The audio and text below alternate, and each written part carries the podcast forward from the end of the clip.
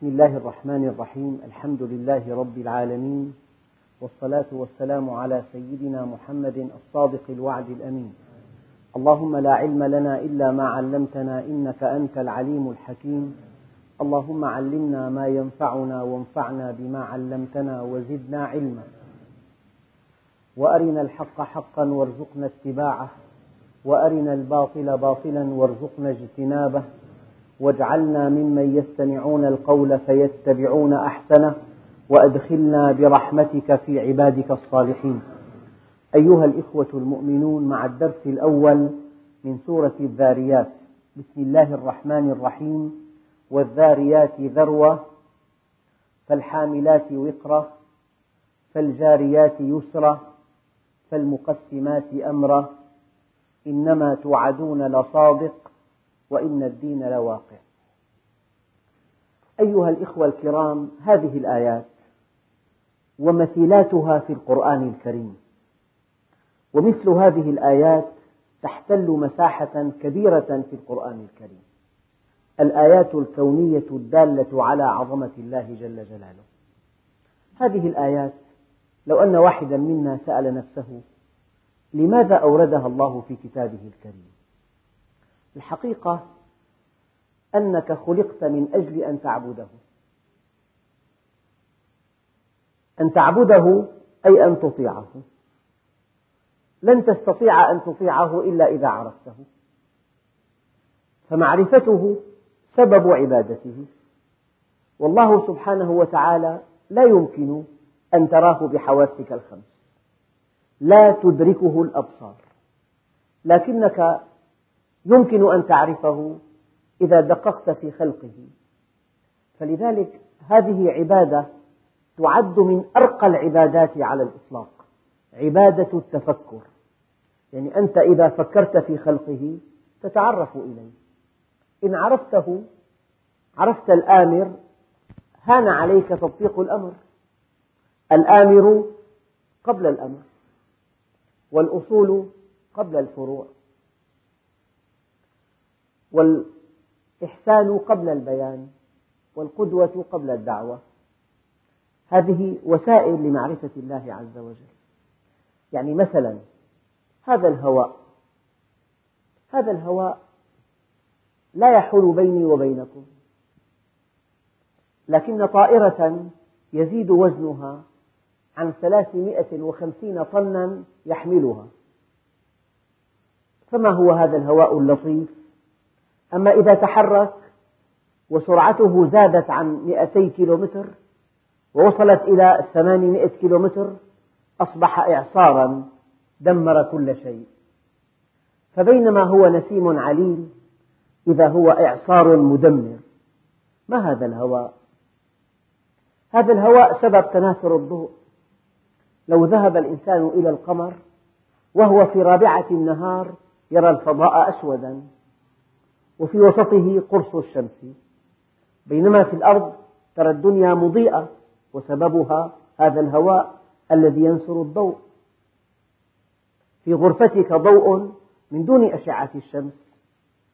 فالهواء وحده وحده من أكبر الآيات الدالة على عظمته. لطيف. يتحرك. كيف يتحرك؟ من خصائصه أنه إذا سخن سخن تمدد. فالهواء الذي فوق الصحراء حرارته خمسين درجة يتمدد. والهواء الذي فوق المناطق الباردة ينكمش. هنا ضغط منخفض وهنا ضغط مرتفع. والهواء يتحرك من الضغط المرتفع إلى الضغط المنخفض. فلولا أن هناك مناطق صحراوية في الأرض هواؤها حار ومناطق باردة هواؤها بارد منكمش لما تحرك الهواء. طبعا هذه تفسير بسيط جدا لحركة الهواء. هناك تفسيرات أخرى معقدة جدا. فالهواء يتحرك من القطبين إلى خط الاستواء ومن المناطق الباردة إلى المناطق الحارة ومن الغرب إلى الشرق. لولا حركة الهواء لكنا في حالة لا تحتمل.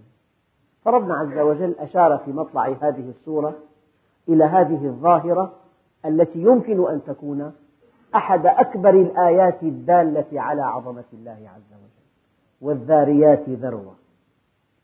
ذروة مفعول مطلق وسمي مفعولا مطلقا لأنه يحتمل معان كثيرة. ذروا حكيما ذروا رفيقا ذروا لطيفا ذروا آه، هادفا والذاريات هذه الرياح التي تذرو السحب تنقلها من مكان إلى مكان. لو سكنت الرياح ما قيمة السحب؟ إذا كانت السحب فوق البحار وسكنت الرياح من ينقلها إلى اليابسة؟ وهو الذي أرسل الرياح فتثير سحابا فسقناه إلى بلد ميت. فهذه الرياح تسوق السحب والذاريات ذروة. فالحاملات وقرا الإنسان لو ركب طائرة وحلق فوق الغيم لرأى جبالا من السحب. منظر السحب من سطح الأرض سقف سقف رمادي. لكن منظر السحب من فوق السحب جبال كالجبال. رؤوس مؤنثة وتلال ووديان. وهذه السحب تحمل ألوف ملايين الأطنان من الماء. هذه تنتقل من البحار إلى اليابسة ومن صمم مبدأ التقطير أن الماء إذا تبخر ترك الأجسام المذابة فيه في البحر. لولا هذه الظاهرة التبخر لا يحمل معه الأجسام المذابة. لذلك ينتقل البخار من البحر المالح فيصبح ماء عذبا فراتا محلى من قبل الله عز وجل مع أن تحلية اللتر من الماء في المصانع التي صنعها الإنسان تزيد عن عشر ريالات. تحلية لتر واحد من الماء. هذه الأمطار الغزيرة التي تتحلى عن طريق التبخر والتكثيف من قنن هذا القانون أن الأشعة أشعة الشمس إذا سلطت على مساحات واسعة من الماء يتبخر الماء. من قال إن الهواء يحمل بخار الماء؟ الهواء يحمل بخار الماء. ولكل درجة من درجات الهواء كمية من بخار الماء يحملها. فإذا بردنا الهواء ظهرت ظاهرة أخرى هي التكثف تكثيف تجد أن قطرات من الماء عالقة على زجاج النافذة. أنه في بالغرفة بخار الهواء مشبع ببخار الماء لامس سطح بارد فتكاثفت القطرات. فهذه الذاريات التي تذرو السحب تسوقها إلى بلد ميت أو تذرو حبوب الطلع الملقحة للنباتات. لولا الرياح لما أنبت النبات. كلكم يعلم أن النبات وفي آية كريمة تشير إلى ذلك مخلوق من ذكر وأنثى.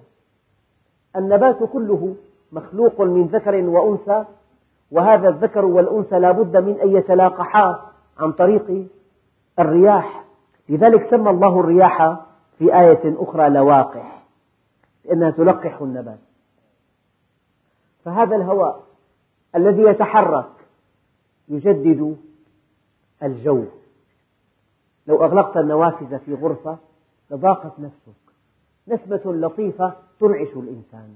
يتحرك. وتحركه له قوانين دقيقة جدا. يسوق السحب. يسوق حبوب الطلع الملقحة للنباتات. هذا الذي صمم وهذا الذي قنن وهذا الذي وضع هذه السنن هو رب العالمين. ألا يستحق أن تعبده؟ والذاريات ذروة. فالحاملات وقرا. الهواء محمل ببخار الماء. نعم. فالجاريات يسرا. يعني محرك ماء صغير في بستان يقلق الحاضرين. يصدر صوتا مزعجا يحطم الأعصاب محرك ماء بسيط. هذه الكتل الهائلة. ملايين الأطنان محمولة آه، في الهواء وتسير بلا صوت. بلا صوت. وترى الجبال تحسبها جامدة وهي تمر مر السحاب. هذا تشبيه بليغ مصدري. تمر مر السحاب في هدوئها وفي لطفها. صنع الله الذي أتقن كل شيء. والذاريات ذروة فالحاملات وقرا فالجاريات يسرا فالمقسمات أمرا.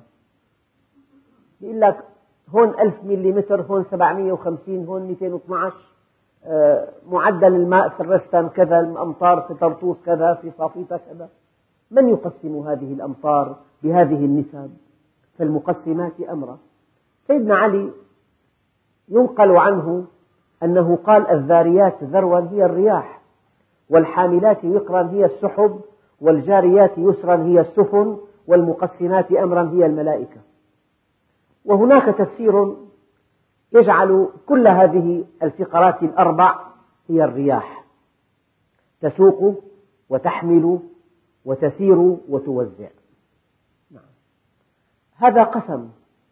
والله سبحانه وتعالى حينما يقسم يلفت النظر. حينما يقسم يلفت النظر.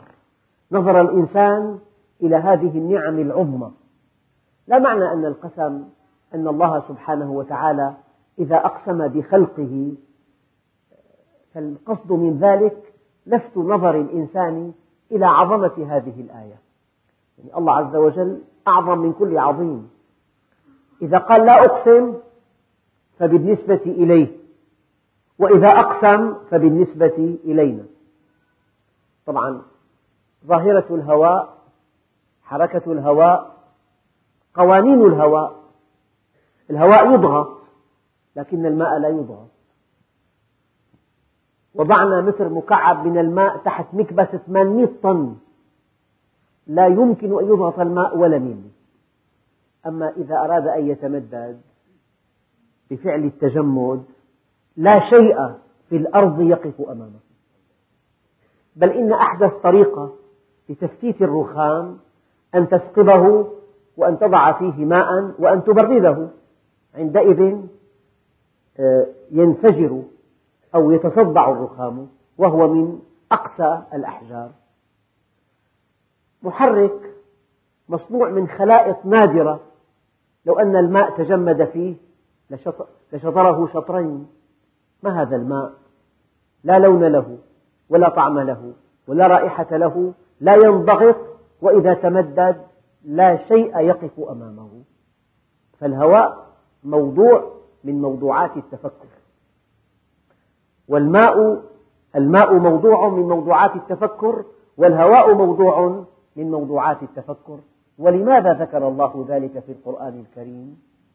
إنما ذكر ذلك كي نتعرف إلى الله من خلال خلقه. إن في خلق السماوات والأرض واختلاف الليل والنهار لآيات لأولي الألباب الذين يذكرون الله قياما وقعودا وعلى جنوبهم ويتفكرون في خلق السماوات والأرض ربنا ما خلقت هذا باطلا سبحانك فقنا عذاب النار. والذاريات ذروة فالحاملات وقرا فالجاريات يسرا فالمقسمات أمرا. هذا قسم. جواب القسم إنما توعدون لصادق. أيها الإخوة الكرام فكرة دقيقة جدا ذكرتها مرارا. أنت مخير. لك أن تختار هذا البيت أو هذا البيت. حينما تقدم على الزواج لك أن تختار هذه الفتاة أو هذه الفتاة. حينما تزمع أن تعمل لك أن تختار هذا العمل أو هذا العمل. أما خيارك مع الإيمان ليس خيار قبول أو رفض إنما هو خيار وقت. وقت. الأشياء التي جاء بها الأنبياء لا بد من أن تؤمن بها عند الموت. ألم يقل فرعون آمنت بالذي آمنت به بنو إسرائيل؟ فقضيتك مع الإيمان قضية وقت. إما أن تؤمن وأنت صحيح شحيح إما أن تؤمن وأنت غني شاب قوي فارغ وإما أن نؤمن بعد فوات الأوان. يوم لا ينفع مال ولا بنون إلا من أتى الله بقلب سليم. تصور طالب خرج من الامتحان ولم يكتب شيئا. توجه إلى البيت وفتح الكتاب وقرأ الإجابة الصحيحة. ولكن متى عرف الجواب بعد فوات الأوان؟ فلذلك ربنا عز وجل قال إنما توعدون لصادق. ونحن أحياء الآن. لكن حينما يأتي ملك الموت هذا الوعد نراه رأي العين. لكن عندئذ لا ننتفع بهذا الوعد. ننتفع به الآن إذا آمنا بالله عز وجل. إنما توعدون لصادق وإن الدين لواقع. يعني فوربك لنسألنهم أجمعين عما كانوا يعملون. خلق عظيم خالق كبير لا يعقل أن يخلق الإنسان سدى. أيحسب الإنسان أن يترك سدى قوي وضعيف غني وفقير حاكم ومحكوم ظالم ومظلوم مستغل ومستغل محتال ومحتال عليه ويموتون جميعا وينتهي الأمر بلا شيء بلا حساب. هذا يتناقض مع كمال الله عز وجل. فوربك لنسألنهم أجمعين عما كانوا يعملون. فمن يعمل مثقال ذرة خيرا يره. ومن يعمل مثقال ذرة شرا يره. وإن تك مثقال حبة من خردل أتينا بها. وكفى بنا حاسبين. أيها الإخوة الكرام حينما تؤمن حينما تؤمن أن الله معك ويعلم ما تفعل وسيحاسب وهناك يوم لا ينفعك إلا عملك الصالح عندئذ تستقيم. من لوازم الإيمان أن تؤمن بالله واليوم الآخر. أن تؤمن بالله واليوم الآخر. أن تؤمن أن الله يعلم وسيحاسب. أن تؤمن أن كل شيء تفعله ينبغي أن تجيب الله عنه. الإنسان الموفق قبل أن يتكلم كلمة قبل أن ينطق ببنت شفة قبل أن يعبث قبل أن يبتسم. قبل أن يعطي قبل أن يمنع قبل أن يتزوج قبل أن يطلق قبل أن يضرب قبل أن يسامح قبل أن يأخذ قبل أن يعطي يقول ماذا سأجيب الله عز وجل عن هذا الموقف؟ لقول الله عز وجل فوربك لنسألنهم أجمعين عما كانوا يعملون. أخواننا الكرام المؤمن الموفق لا تغيب عن, عن ذهنه. ولا لحظة ساعة الحساب وساعة نزول القبر. مهما اعتنينا ببيوتنا مهما زيناها مهما آه، زخرفناها مهما أغنيناها بالفرش والطنافس لا بد من مغادرة المنزل. الإنسان داخل وخارج من البيت أفق عمودي. بس في مرة سيخرج هكذا ولن يعود. مهما كان قويا كل مخلوق يموت ولا يبقى إلا ذو العزة والجبروت. الليل مهما طال فلا بد من طلوع الفجر والعمر مهما طال فلا بد من نزول القبر. كل ابن أنثى وإن طالت سلامته يوما على آلة حدباء محمول. فإذا حملت إلى القبور جنازة فاعلم بأنك بعدها محمول. أيها الإخوة الكرام إنما توعدون لصادق. والذاريات ذروا فالحاملات وقرا فالجاريات يسرا فالمقسمات أمرا جواب القسم إنما توعدون لصادق. خالق الكون الذي خلق المجرات. المجرة التي اكتشفت حديثا تبعد عنا 24 ألف مليون سنة ضوئية. الذي خلق هذه المجرات هذا كلامه وسوف نساق إليه. وجاءت كل نفس معها سائق وشهيد. لقد كنت في غفلة من هذا فكشفنا عنك غطاءك فبصرك اليوم حديد. فأما من أوتي كتابه بيمينه فيقول هاؤم اقرءوا كتابي. إني ظننت أني ملاق حسابيه فهو في عيشة راضية في جنة عالية قطوفها دانية. كلوا واشربوا هنيئا بما أسلفتم في الأيام الخالية. وأما من أوتي كتابه بشماله فيقول يا ليتني لم أوت كتابية ولم أدر ما حسابية. يا ليتها كانت القاضية لم يغن عني مالي هلك عني سلطانية. خذوه فغلوه ثم الجحيم صلوه. هذا كلام ربنا. هذا كلام خالق الكون. صور يوم القيامة إنما ذكرها الله عز وجل كي نستعد لها قبل فوات الأوان. إنما توعدون لصادق. يعني قال له كيف أصبحت يا زيد؟ قال أصبحت وكأني بأهل الجنة يتنعمون وكأني بأهل النار يتصايحون. قال يا زيد عرفت فالزم. عبد نور الله قلبه. العاقل دائما بالمستقبل عايش. الجاهل يعيش حاضره. أما العاقل يعيش المستقبل والأجهل يعيش ماضيه. ما مضى فات والمؤمل غيب ولك الساعة التي أنت فيها. فيا أيها الإخوة الكرام لا بد من الصلح مع الله لا بد من التوبة النصوح لا بد من معرفة منهج الله. والله الذي لا إله إلا هو. طلب العلم أخطر عمل تفعله في دنياك. وهو أهم من أي نشاط آخر. لأن طلب العلم منجاة. يجب أن تعلم من أنت ولماذا أنت في الدنيا. وما هو سر وجودك. وما هي غاية وجودك. وما المنهج الذي ينبغي أن تسير عليه. كيف تتزوج. كيف تكسب المال. كيف تنفق المال. كيف تمضي وقت الفراغ. هل تعلم, تعلم أيها الأخ الكريم أن أثمن شيء تملكه على الإطلاق الوقت. إنسان يملك أيام مئة مليون خمسمئة مليون الوقت أثمن منها. الدليل لو مضى الوقت وجاء الأجل لا تنفعك هذه الأموال الطائلة. ينفعك أن تعرف الله في هذا الوقت. هذا الوقت غلاف الزمن غلاف العمل. إنما توعدون لصادق وإن الدين لواقع.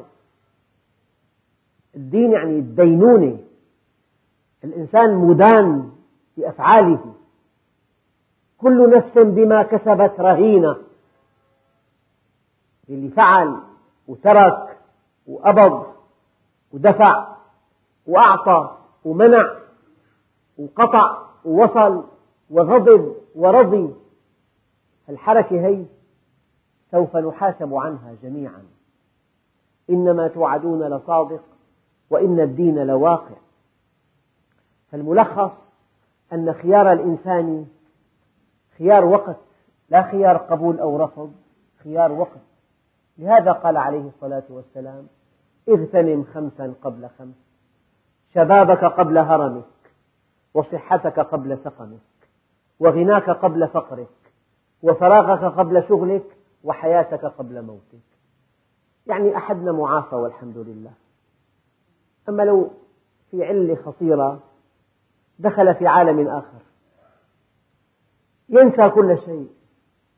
فالإنسان معافى صحيح الجسم مرتاح من قضية أولى وثانية وثالثة ورابعة.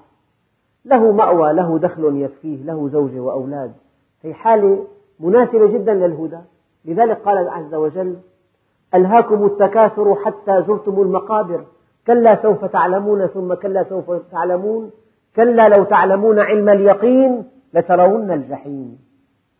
يعني واحد راكب مركبة وهي منطلقة بأقصى سرعة في منحدر شديد وهذا المنحدر ينتهي بمنعطف حاد. مسرور سرعة يرتاح لها الإنسان. الهواء يلطف الجو. ثم اكتشف فجأة أنه ما معه مكبح لو تعلمون علم اليقين يقول لك رحنا. لترون الجحيم.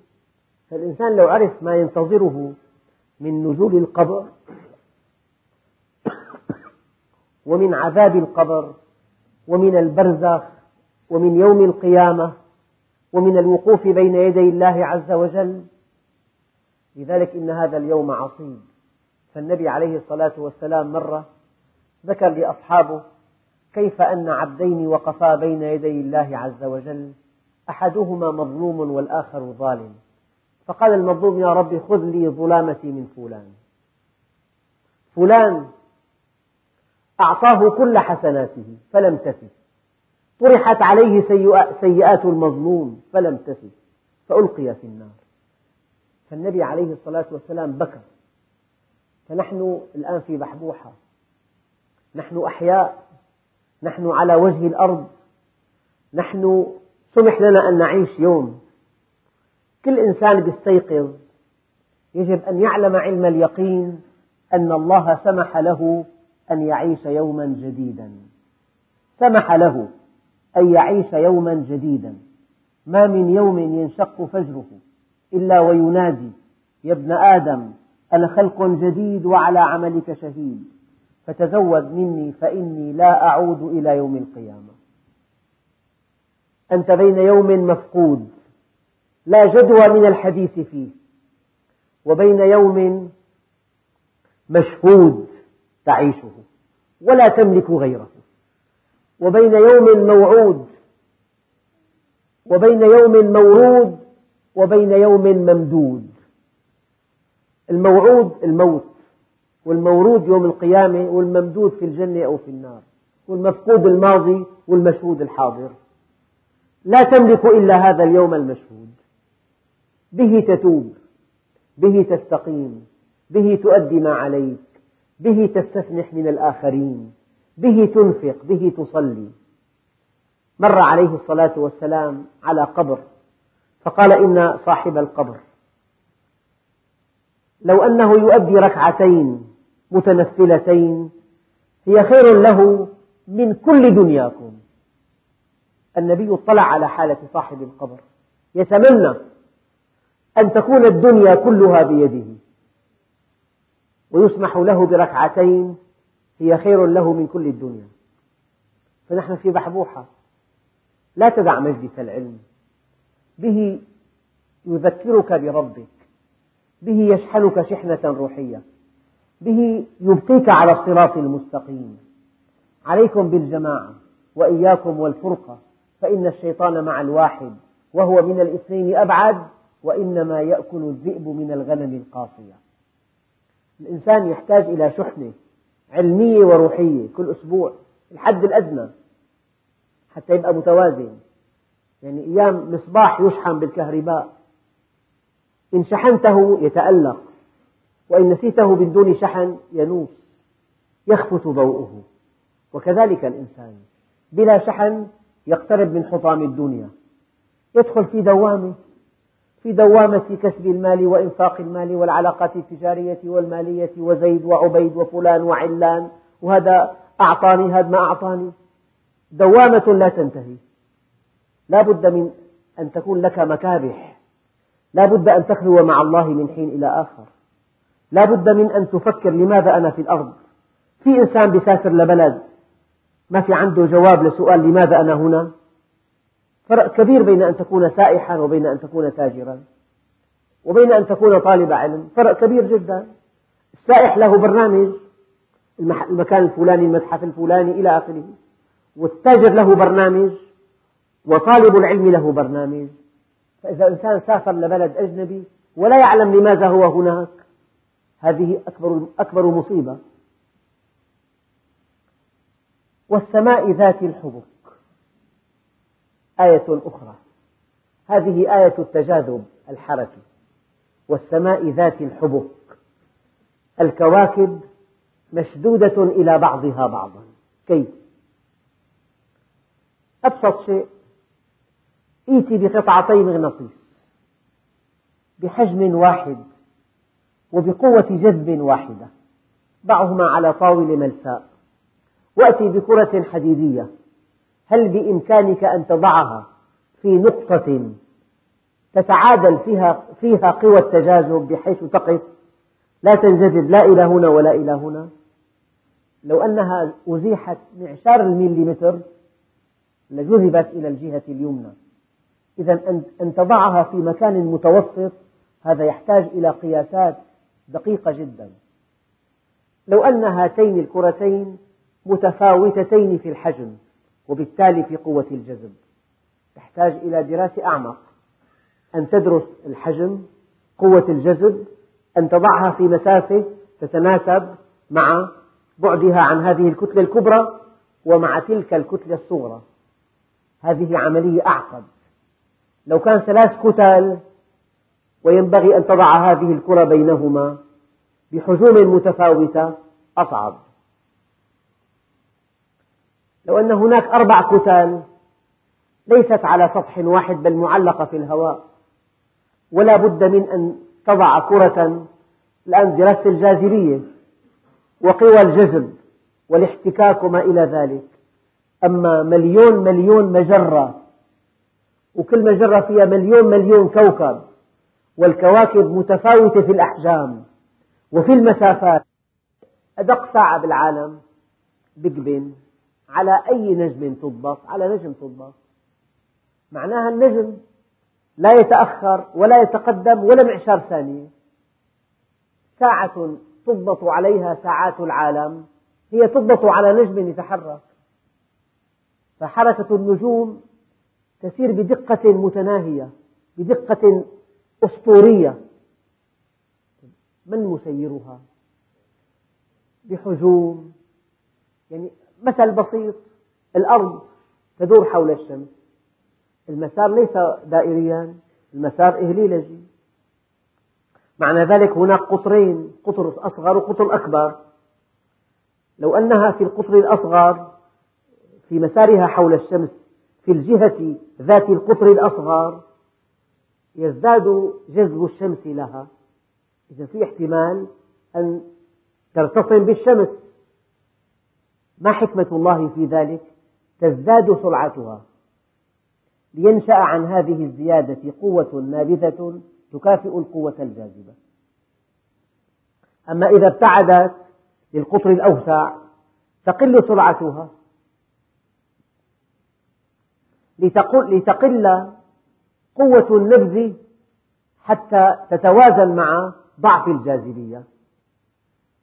من يرفع سرعتها سرعة رفعا تدريجيا ومن يخفض سرعتها خفضا تدريجيا.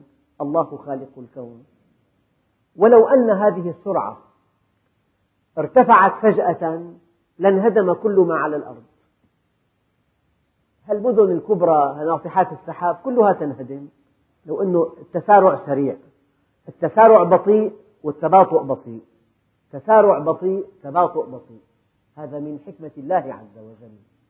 فلذلك الكون أكبر دليل على عظمة الله على وجوده ووحدانيته وكماله. والسماء ذات الحبك. هذا الترابط. لو أننا أردنا أن نزرع أن نربط لو أن الأرض تفلتت من جاذبية الشمس مثلا وأردنا أن نعيدها لهذه الجاذبية لاحتجنا إلى مليون مليون كبل فولاذي. مليون مليون. وهذا الحبل قطره خمسة أمتار. لو زرعنا هذه الحبال على سطح الأرض المواجه للشمس وربطناها بالشمس وطول الحبل 156 مليون. قال كل حبل قوة آه، تحمله مليونين طن. يعني الأرض مربوطة بالشمس بقوة تساوي مليون مليون ضرب مليونين طن. قال كل هذه القوى الجبارة من أجل أن تحرف الأرض ثلاثة ميل لكل ثانية واحدة إذا انحرفت ثلاثة ميل لكل ثانية ينشأ مدار مغلق حول الشمس تدور. ذلكم الله رب العالمين. الله الذي رفع السماوات بغير عمد ترونها ممكن تعمل بناء مئة طابق. وأول طابق هواء كله ما في ولا عضاضة. ممكن. هل بالإمكان بناء مئة طابق؟ وزنه رقم فلكي من الإسمنت المسلح. وليس له أي عمود على الأرض. ارتفاعه مئة متر. وتمشي تحته. تصور مستحيل. بناء مئة طابق من إسمنت مسلح وتحته كله فارغ لا يستند إلى شيء بل إلى قوة لا ترى بالعين. هكذا الكون. الجاذبية قوة تمشي وسطها أنت. تمشي وسطها. في جذب لكنه جذب لطيف. لا تشعر به. والسماء ذات الحبك. الكون مترابط والحقيقة لولا لولا لولا هذه الحركة لكانت قوى الجذب كافية أن تجعل الكون كله كتلة واحدة أبدا. الكون كله المليون مليون مجرة وفي كل مجرة تقريبا مليون مليون نجم كل هذا الكون يصبح كتلة واحدة لأنه سبب بسيط.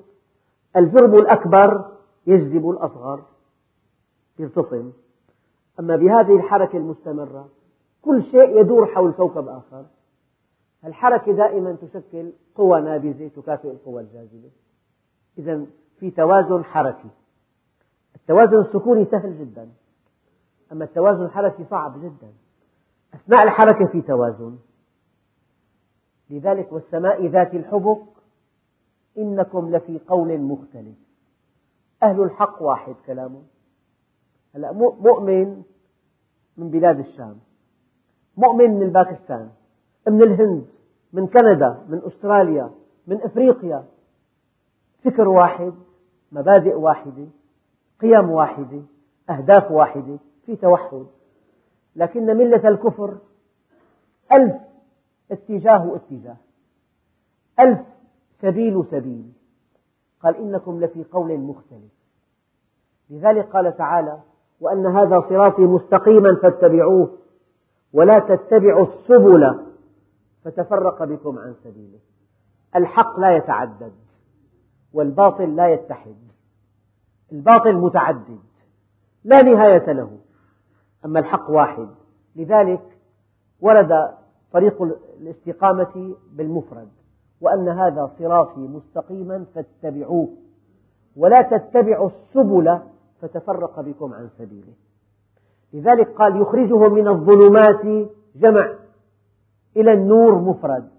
ما قال من الظلمات إلى الأنوار. وما قال من الظلمة إلى النور. قال من الظلمات إلى النور. النور واحد. الحق واحد. الحق مثل خط مستقيم. بين نقطتين لا يمر إلا مستقيم واحد. ضع نقطتان على ورق. وأتي بمسطرة ارسم أول خط. الثاني فوقه الثالث فوقه. لو بتعمل ألف خط كلها فوق بعضها بعضا. الحق واحد. الباطل متعدد. لذلك ما الذي يجمعنا؟ الحق. ما الذي يفرقنا؟ الباطل. تحسبهم جميعا وقلوبهم شتى. التفرقة علامة الباطل. الباطل متعدد. مصالح متناقضة. شهوات متنوعة آه، مراكز قوى أما الحق واحد. فلذلك والسماء ذات الحبك جواب القسم إنكم لفي قول مختلف. مذاهب واتجاهات وآراء ومنطلقات وتفسيرات ونظريات ما أنزل الله بها من سلطان. في الهند يعبدون البقر. وفي بلاد اليابان وقد لا تصدقون. يعبدون عورة الرجل. وفي أمريكا يعبدون الجرذان. وفي بعض البلاد يعبدون موج البحر. يضعون أطيب الطعام والشراب والفواكه أمام الموج ويقذفونه في الموج ثم يصلون. وفي بلاد يعبدون الجرذان. يضعون في طبق الحليب تأتي الجرذان ويعبدونها من دون الله. وفي الهند يعبدون البقر. وفي بعض البلاد المتقدمة صناعيا جدا يعبدون عورة الرجل. يعني شيء لا يصدق. لكن الله سبحانه وتعالى شرفنا بعبادته. شرفنا بمعرفته. شرفنا بمنهج سليم صحيح. أخ كريم كان في بعض مدن الهند وهو في غرفته بالفندق. رأى أمام الفندق ساحة عامة والناس مجتمعون وقد وضعت أكداس مكدسة من الحطب. ماذا في الأمر؟ قال مات رجل وسوف يحرق. ماشي الحال. ومن هذه التي إلى قال زوجته. قال أراها تتحرك؟ قال نعم. يجب أن تحرق وهي حية. فإن لم تحرق سقطت اجتماعيا. هذا دين هذا. امرأة متعها الله بالحياة. ينبغي أن تحرق مع زوجها. طبعا. إنكم لفي قول مختلف. حقيقة نحن لا نشعر بقيمة هذا الدين العظيم.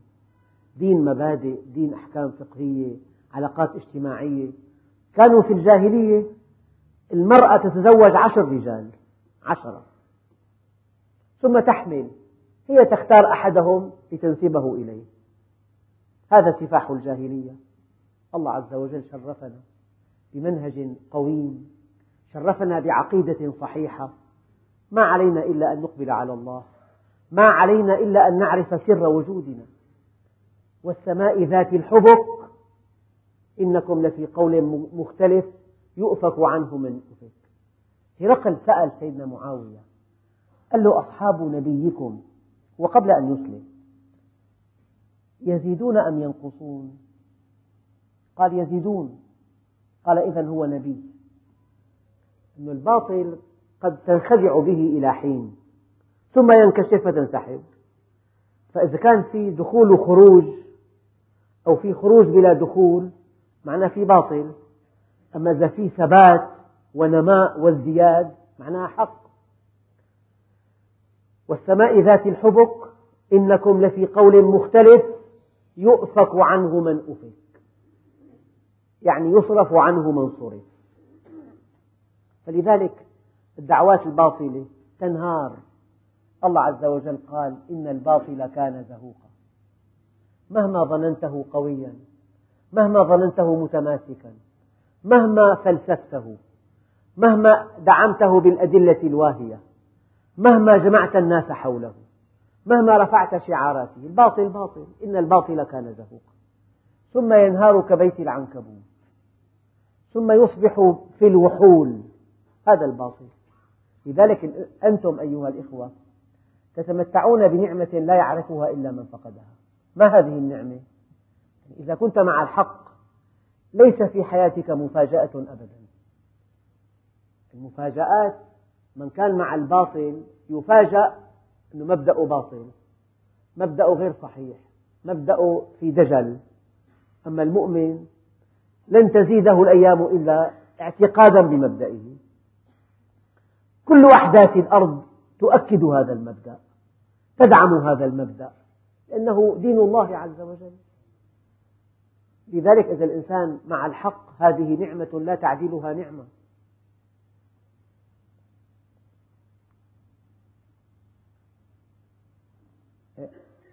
صديق ذهب إلى بلد في شرق آسيا. ففي لقاء مع مدير شركة. وإذ يفاجأ أن أمه قد توفيت. فهو يتوقع أنه تلغى المواعيد كلها. قال لا لا لا كل شيء على حاله. والوفاة قال نضعها في البراد إلى أن يأتي دورها في الحرق. قال ولم تحرقونها؟ قال لأن القبر مكلف أما الحرق أيسر أرخص. نضعها في قارورة الرماد ونأخذها إلى المعبد. تتقدس هناك. في الأعياد نأتي بها قارورة طيب. هي أمه يرجعها. سبحان الله. شيء مضحك. لهذا ضحكتم أنتم. يؤفك عنه من أفك. إنكم لفي قول مختلف. يؤفك عنه من أفك. يلي زار مصر وزار الأهرامات يرى العجب العجاب. حينما يموت الفرعون توضع معه اللحوم المقددة. لحوم. أنواع الحلي مركبة في قبر مركبة كبيرة لحوم خبز طعام كل شيء في القبر. لأنهم يعتقدون أنه سيحيا بعد حين وسيحتاج لكل هذه الأشياء. إنكم لفي قول مختلف يؤفك عنه من أفك. لهذا الإله العظيم الذي خلق السماوات والأرض لا يمكن إلا أن يكون مبدأه عظيما. ومنهجه قويما. يعني الحق ما أقر به العقل وما ارتاحت له الفطرة وما أيده الواقع وما أيده النقل. كلمة حق يعني النقل والعقل والواقع والفطرة كلها متطابقة. أبدا. الفطرة ترتاح. فأقم وجهك للدين حنيفا. فطرة الله التي فطر الناس عليها. لا تبديل لخلق الله. قتل الخراصون الكذابون الذين هم في غمرة في غمرة الشهوات وغمرة جمع الأموال وغمرة اقتناص الملذات وغمرة القيل والقال وغمرة البحث عن الأمجاد الزائفة في الدنيا وغمرة التمتع بمباهجها الذين هم في غمرة ساهون. غافلون عن هذا اليوم يوم الحساب. يسألون أيام أيان يوم الدين استهزاء. يوم هم على النار يفتنون. ذوقوا فتنتكم هذا الذي كنتم به تستعجلون. قتل الخراصون الكذابون. يعني أخطر شيء في حياتنا الكذب. أحيانا تعتقد عقيدة أنت لست قانعا بها. كذب. أيام تجلس جلسة كل ما قيل فيها كذب بكذب. كله نفاق ما الذي يدمر حياتنا الكذب؟ لذلك المؤمن صادق. إن الصدق يهدي إلى البر وإن البر يهدي إلى الجنة.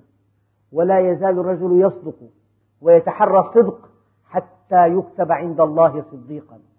وإن الكذب يهدي إلى الفجور وإن الفجور يهدي إلى النار. وما يزال الرجل يكذب ويتحرى الكذب حتى يكتب عند الله كذابا. المؤمن لا يكذب. يجب أن تعتقد ما هو واقعي. لا تعتقد بالأوهام ولا بالترهات ولا بالأباطيل. لا تقبل شيئا بلا دليل. أنت كريم على الله عز وجل. النبي عليه الصلاة والسلام أرسل سرية وأمر عليها أنصاريا ذا دعابة. فأمر بإضرام نار عظيمة وقال اقتحموها. ألست أميركم؟ أليست طاعتي طاعة رسول الله؟ بعض أصحاب النبي وقفوا مترددين. قال بعضهم كيف نقتحمها؟ وإنما آمنا بالله فرارا منها. وقال بعضهم بل نطيعه لأن طاعة الأمير طاعة رسول الله. اختلفوا. عرضوا الأمر على النبي عليه الصلاة والسلام. قال والله لو اقتحمتموها لازلتم فيها إلى يوم القيامة. إنما الطاعة في معروف. العقل لا يعطل أبدا. الله وهبك عقل. أعطاك منهج. أعطاك قرآن بلسان عربي مبين. أخي هذا القرآن إذا الإنسان فكر فيه بيغرق. لا. ما أنزله على النبي إلا كي تفهمه. أفلا يتدبرون القرآن أم على قلوب أقفالها؟ ما أمرك أن تتدبره إلا لأنه في مستواك. يمكن أن تفهمه. أنزله على نبيه بلسان عربي مبين. لا تدخل بدوامة ما بينتهي القرآن. إذا هو لمن؟ يعني ممكن جهة ترسل رسالة لا يفهمها المرسل إليه؟ هذا شيء غير معقول. إذا قتل الخراصون الذين هم في غمرة. قال فذرهم يخوضوا ويلعبوا حتى يلاقوا يومهم الذي فيه يصعقون. لا يغرنك تقلب الذين كفروا في البلاد. متاع قليل ثم مأواهم جهنم وبئس المهاد. رب اجعل هذا بلدا آمنا وارزق أهله من الثمرات من آمن منهم بالله واليوم الآخر. قال ومن كفر فأمتعه قليلا ثم أضطره إلى عذاب النار وبئس المصير. إن هذه الدنيا عرض حاضر. يأكل منه البر والفاجر. البر والفاجر. والآخرة وعد صادق يحكم فيه ملك عادل. الذين هم في غمرة ساهون يسألون أيان يوم الدين؟ يوم هم على النار يفتنون. ذوقوا يفتنون أي يعرضون على النار. ذوقوا فتنتكم هذا الذي كنتم به تستعجلون. إن المتقين في جنات وعيون. الصورة المشرقة. في جنات وعيون. آخذين ما آتاهم ربهم. بعضهم قال أخذوا أمره بالقبول والطاعة. آخذين ما آتاهم ربهم. أمرهم بالصدق فصدقوا. أمرهم بكسب المال الحلال فكسبوا. أمرهم بالصلاة فصلوا. والمعنى الآخر هم الآن في ضيافة ربهم.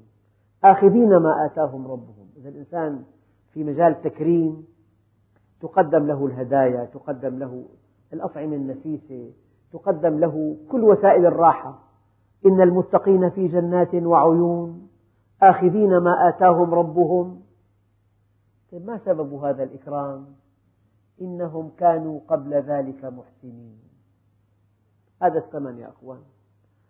ثمن الجنة أن تكون محسنا. على إطلاق هذه الكلمة. محسن في عملك. محسن في حرفتك. محسن في وظيفتك. محسن في طبابتك محسن في أي مهنة تمتهنها. محسن مع زوجتك. مع أولادك. مع جيرانك مع إخوانك مع المخلوقات جميعها مع الحيوان الذي تذبحه. لا تعذبه. فليحد أحدكم شفرته وليرح ذبيحته. محسن. يعني المؤمن لا يصدر عنه إلا كل خير. أبدا. المسلم لا يقلق أحدا. أما الكافر اللهم إني أعوذ بك من جار سوء. إن رأى خيرا كتمه وإن رأى شرا أذاعه اللهم إني أعوذ بك من إمام سوء. إن أحسنت لم يقبل. وإن أسأت لم يغفر. المؤمن محسن. يأمن جاره بوائقه. يأمن كل من حوله. يعني هذا الذي يتقيه الناس مخافة شره هو شر الناس. الذي يتقيه الناس مخافة شره هذا ليس مؤمنا. المؤمن مصدر أمن مصدر سعادة مصدر طمأنينة مصدر عطاء. باني حياته على العطاء والكافر باني حياته على الأخذ. وإذا أردت أن تعرف ما إذا كنت من أهل الدنيا أم من أهل الآخرة. فانظر ما الذي يسعدك أن تأخذ أم أن تعطي أن تأخذ أم أن تعطي المؤمن يسعده العطاء. أهل الدنيا يملكون الرقاب بقوتهم والأنبياء يملكون القلوب بكمالهم. أنت مع من؟ هل تحب أن تملك قلوب الناس بكمالك بلطفك بتواضعك بحلمك برحمتك بإنصافك بخدمتك للخلق؟ إما أن تملكهم تملك قلوبهم بكمالك وإما أن تملك رقابهم بقوتك. الطغاة يملكون الرقاب بقوتهم والأنبياء يملكون القلوب بكمالهم. لذلك إن المتقين في جنات وعيون آخذين ما آتاهم ربهم الثمن إنهم كانوا قبل ذلك محسنين. وفي لزوجته يربي الأولاد تربية عالية جدا. كريم لجيرانه. محسن لطلابه. محسن لزبائنه. محسن لمرضاه. لا يكذب. لا يغش. لا يستحكم. لا يستغل. لا يبتز أموال الناس بالباطل. لا يتكبر. لا يستعلي. لا يتغطرس. لا يقول أنا وأنا وأنا. متواضع. إنهم كانوا قبل ذلك محسنين. إذا عمل عمل أتقنه عمله متقن. كلامه واضح مواعيده صحيحة. آه، يأخذ ما له ويدع ما ليس له. ينصف الناس من نفسه. لا يحتاج أحد معه إلى يرفع لي قضية أبدا. لما القضية؟ والله حدثني أخ كنت في عقد قران جلس إلى جنبي محامي أخ كريم. قال لي أنا دهشت أن أحد أخوانكم جاء إلى مكتبي ليرفع الأجرة التي عليه تجاه موكلي طواعية من دون دعوة. قلت هذا هو الأصل. هذا هو الأصل. أن تنصف الناس من نفسك أن تعطيهم ما لهم وأن تأخذ ما لك. يعني قال لي أحد إخواننا القضاة قال لي يعني أربعة أخماس الدعاوى في قصر العدل.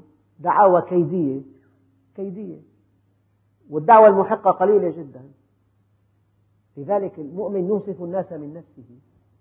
لا يأخذ ما ليس له قانع بالذي له لا يطمح لما ليس له يعرف ما له وما عليه. رحم الله عبدا وقف عند عرف حده فوقف عنده. تزوج امرأة دون أن تعلم زوجته. فلما علمت سكتت. فلما مات زوجها بعثت لضرتها بالتركة. ففوجئت أن هذه الضرة قالت لا والله لقد طلقني قبل أسبوعين. الزوجة الأولى التي تزوج عليها زوجها حينما مات زوجها بعثت لضرتها بنصيبها من الإرث. ولم تعلم رسميا بهذا الزواج. وهذه الذي التي أرسل لها المبلغ قال لا إنه طلقني قبل أسبوعين. ليس لي عنده شيء. هذا المؤمن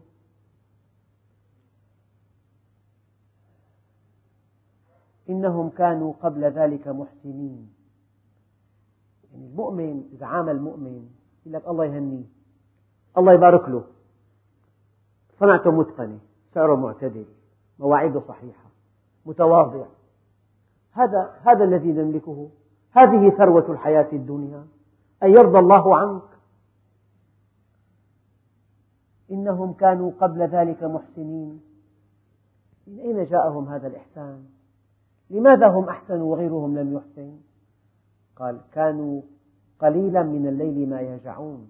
في اتصال بالله لأنه إن مكارم الأخلاق مخزونة عند الله تعالى. فإذا أحب الله عبدا منحه خلقا حسنا. هذا الإحسان سبب الاتصال بالله. قلت لكم سابقا. الناس على اختلاف مللهم ونحلهم واتجاهاتهم وأجناسهم وأعراقهم ومذاهبهم ومعتقداتهم وأصلهم وفصلهم مهما قسمت البشر في النهاية هم رجلان رجلان. موصول بالله ومقطوع عنه. الموصول محسن المقطوع مسيء. الموصول منصف المقطوع مجحف. الموصول عادل المقطوع ظالم الموصول متواضع المقطوع متكبر. أبدا. محسن منضبط مسيء متفلت. هذا التقسيم الحقيقي. مؤمن وكافر موصول ومقطوع محسن ومسيء مستقيم ومنحرف مخلص وخائن. يرحم ويقسو يعطي ويمنع. يعلو ويتواضع. أبدا. هذا التقسيم الحقيقي. الناس رجلان قال النبي الكريم. الناس رجلان فقط. بر تقي كريم على الله وفاجر شقي هين على الله. لا قيمة له عند الله. فلا نقيم لهم يوم القيامة وزنا. لهم صغار عند الله. إنهم كانوا قبل ذلك محسنين. كانوا قليلا من الليل ما يهجعون. متصلون بالله وبالأسحار هم يستغفرون. يصلون الفجر في جماعة ومن صلى الفجر في جماعة فهو في ذمة الله. وفي أموالهم حق للسائل والمحروم.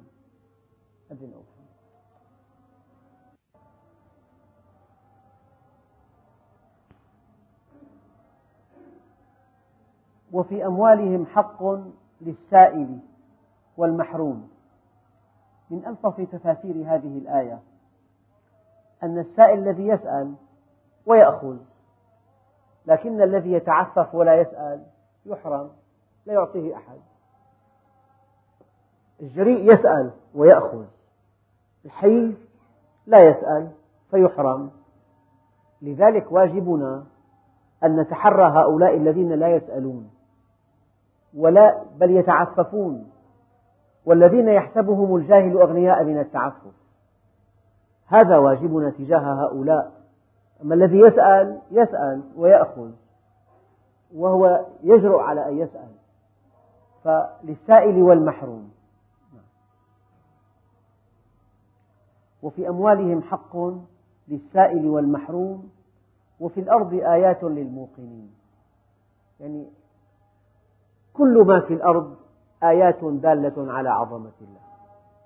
بس العبرة أن تملك آلة تصوير مع فيلم. إذا كان ما في فيلم كل هذه الآيات لا تنطبع. إذا الإنسان طلب الحقيقة كل شيء في فيما حوله يدل على الله. وإذا أعرض عن الحقيقة لا شيء ينفعه. قال تعالى وفي الأرض آيات للموقنين. يعني هالماء لما من جمده يتمدد هل تصدقون أن هذه الآية لولاها لما كنا على وجه الأرض؟ لما كانت حياة على وجه الأرض. الأجسام كلها تتمدد بالحرارة وتنكمش بالبرودة. إلا الماء يتمدد بالحرارة وينكمش بالبرودة إلى درجة زائد أربعة. عند هذه الدرجة تنعكس الآية. فيتمدد بالتبريد. لولا هذه الظاهرة لما كنا في هذا المكان. الماء حينما يتجمد يزداد حجمه فتقل كثافته فيصفو وتبقى البحار دافئة. أما إذا برد فقل حجمه كثافته زادت فغاص في أعماق البحر. بعد حقبة من الزمن تصبح البحار كلها متجمدة. ينعدم التبخر ينعدم إنبات النبات يموت الحيوان يموت الإنسان. والحمد لله رب العالمين.